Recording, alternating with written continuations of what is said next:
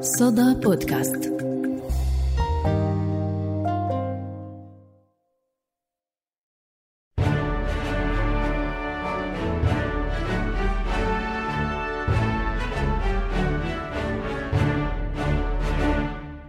النقل ودوره في التنمية.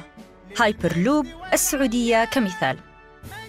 المتابع لتصريحات المختصين والخبراء في قطاع التنمية الشاملة يلمس بشكل كبير إصرارهم وتركيزهم على دور قطاع النقل وأثره التنموي بالغ الأهمية. فالنقل من جهة هو من الخدمات التنموية المساعدة على تحقيق الرؤى الطموحة، ومن جهة أخرى قطاع قائم بذاته مشروع تنموي محدد المعالم. وفي سلسلة حلقاتنا عن رؤية المملكة العربية السعودية 2030 كان لابد لنا من تسليط الضوء وبحلقة كاملة عن رؤية المملكة لقطاع النقل وعن المشاريع الضخمة والطموحة اللي تندرج تحت هذا المحور. الشيء اللي قادنا اليوم للحديث عن هايبرلوب السعودية هذا المشروع اللي لا يقل بريقا وطموحا عن رؤية 2030 اللي شكلت بحسب الخبراء ثورة تفكيرية وخروج عن المألوف يسير جنبا إلى جنب مع الإبداع والتميز.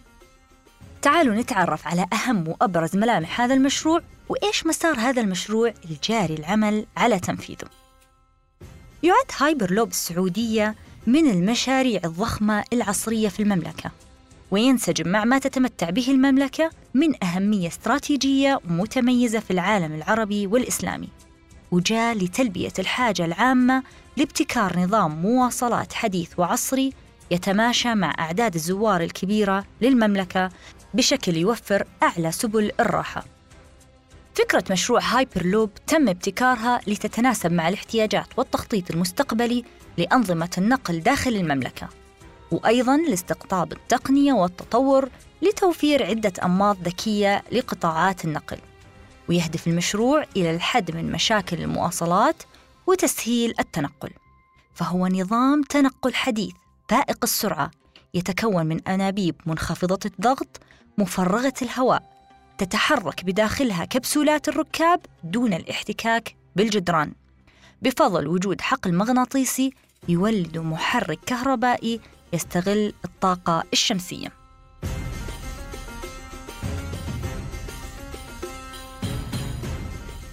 ويعد هذا المشروع خطوة جديدة نحو تحقيق الرؤية اللي تهدف إلى ربط مدن المملكة ببعضها وتسهيل التنقل فيما بينها. بالإضافة إلى ربطها بمدن دول الخليج المجاورة علشان يخففون من عناء السفر وتعبه من خلال استخدام طرق المواصلات البرية.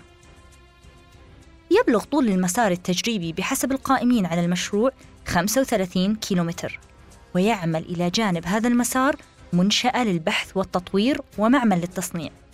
وستعمل مسارات وخطوط الهايبرلوب بين الرياض والدمام وبين مدينتي جدة ونيوم وخطوط ثانية بين الرياض والقدية وبين الرياض وأبو ظبي.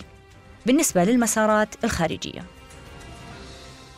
ويستخدم مشروع هايبرلوب السعودية تقنيات متطورة وعصرية وتعد الأكثر تطوراً في مجالات النقل حيث تتسارع الكبسولات تدريجياً عبر الأنبوب عن طريق الدفع الكهربائي وتطفو فوق المسار باستخدام الرفع المغناطيسي وتنزلق بسرعة فائقة تضاهي سرعة الطائرات لمسافات طويلة وتصل سرعتها أكثر من ألف كيلومتر في الساعة.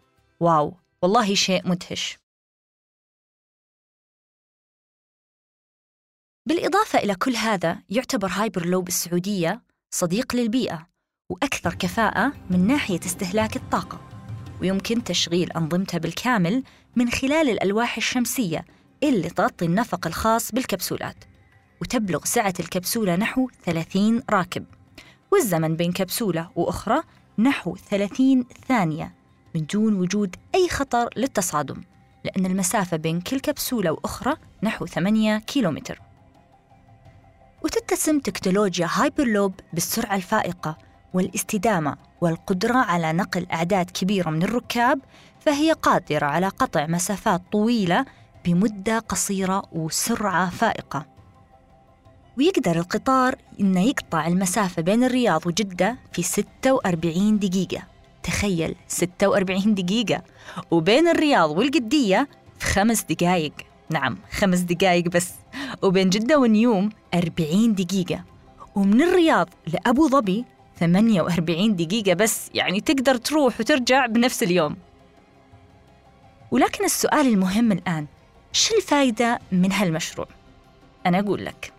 تكمن أهمية هذا المشروع في تسهيل حركة التنقل داخل المملكة بشكل يوفر الوقت والراحة للمسافرين إضافة إلى أنه يسهل في حركة نقل البضائع ويوفر أيضاً فرص عمل للمواطنين ويساعد المشروع في تحقيق التقدم والتحول لاقتصاد المملكة وصياغة مستقبلها وتعزيز المكانة الخاصة فيها في التطور بمجالات التكنولوجيا لتكون في طليعة الابتكارات. ويعتمد مشروع هايبرلوب السعودية اعتماد كامل على الطاقة الكهربائية والمغناطيسية وهو لا يتأثر بالأحوال الجوية لأن راح تكون الكبسولات في مأمن داخل أنابيب النقل. وهذا راح يوفر سلامة أكبر للركاب مقارنة بوسائل النقل الأخرى. كما أنه لا يتأثر بانقطاع التيار الكهربائي فكل كبسولة تحمل اثنين أو أكثر من بطاريات الليثيوم أيون. وهو ما يضمن وصول الكبسولة لوجهتها بسهولة تامة وسرعة فائقة ومن خلال التجارب واختبارات السلامة والأمان اللي خضع لها هذا المشروع تم إثبات بأنه يتمتع بأنظمة سلامة شاملة إضافة إلى ذلك راح يكون مجهز بأحدث أنظمة التحكم اللي يتم اكتشاف المشاكل الغير متوقعة والقيام بالاستجابة اللازمة في حالات الطوارئ. نختم بما بدأنا الحديث عنه رؤية بحجم رؤية المملكة العربية السعودية تنسجم مع هذا المشروع الضخم والجديد ووجوده داخل أراضي المملكة يدل على ريادة التفكير وإبداع التخطيط واستغلال سليم للموارد بشكل يخدم وطن ما توانت قيادته ليوم في خدمة شعبه وتعزيز مكانته.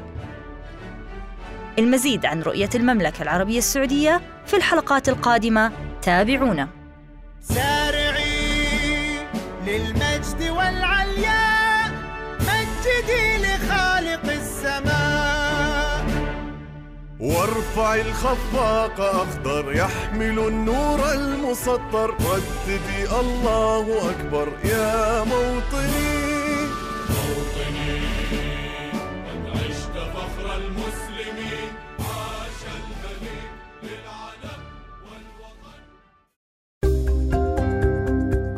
صدى بودكاست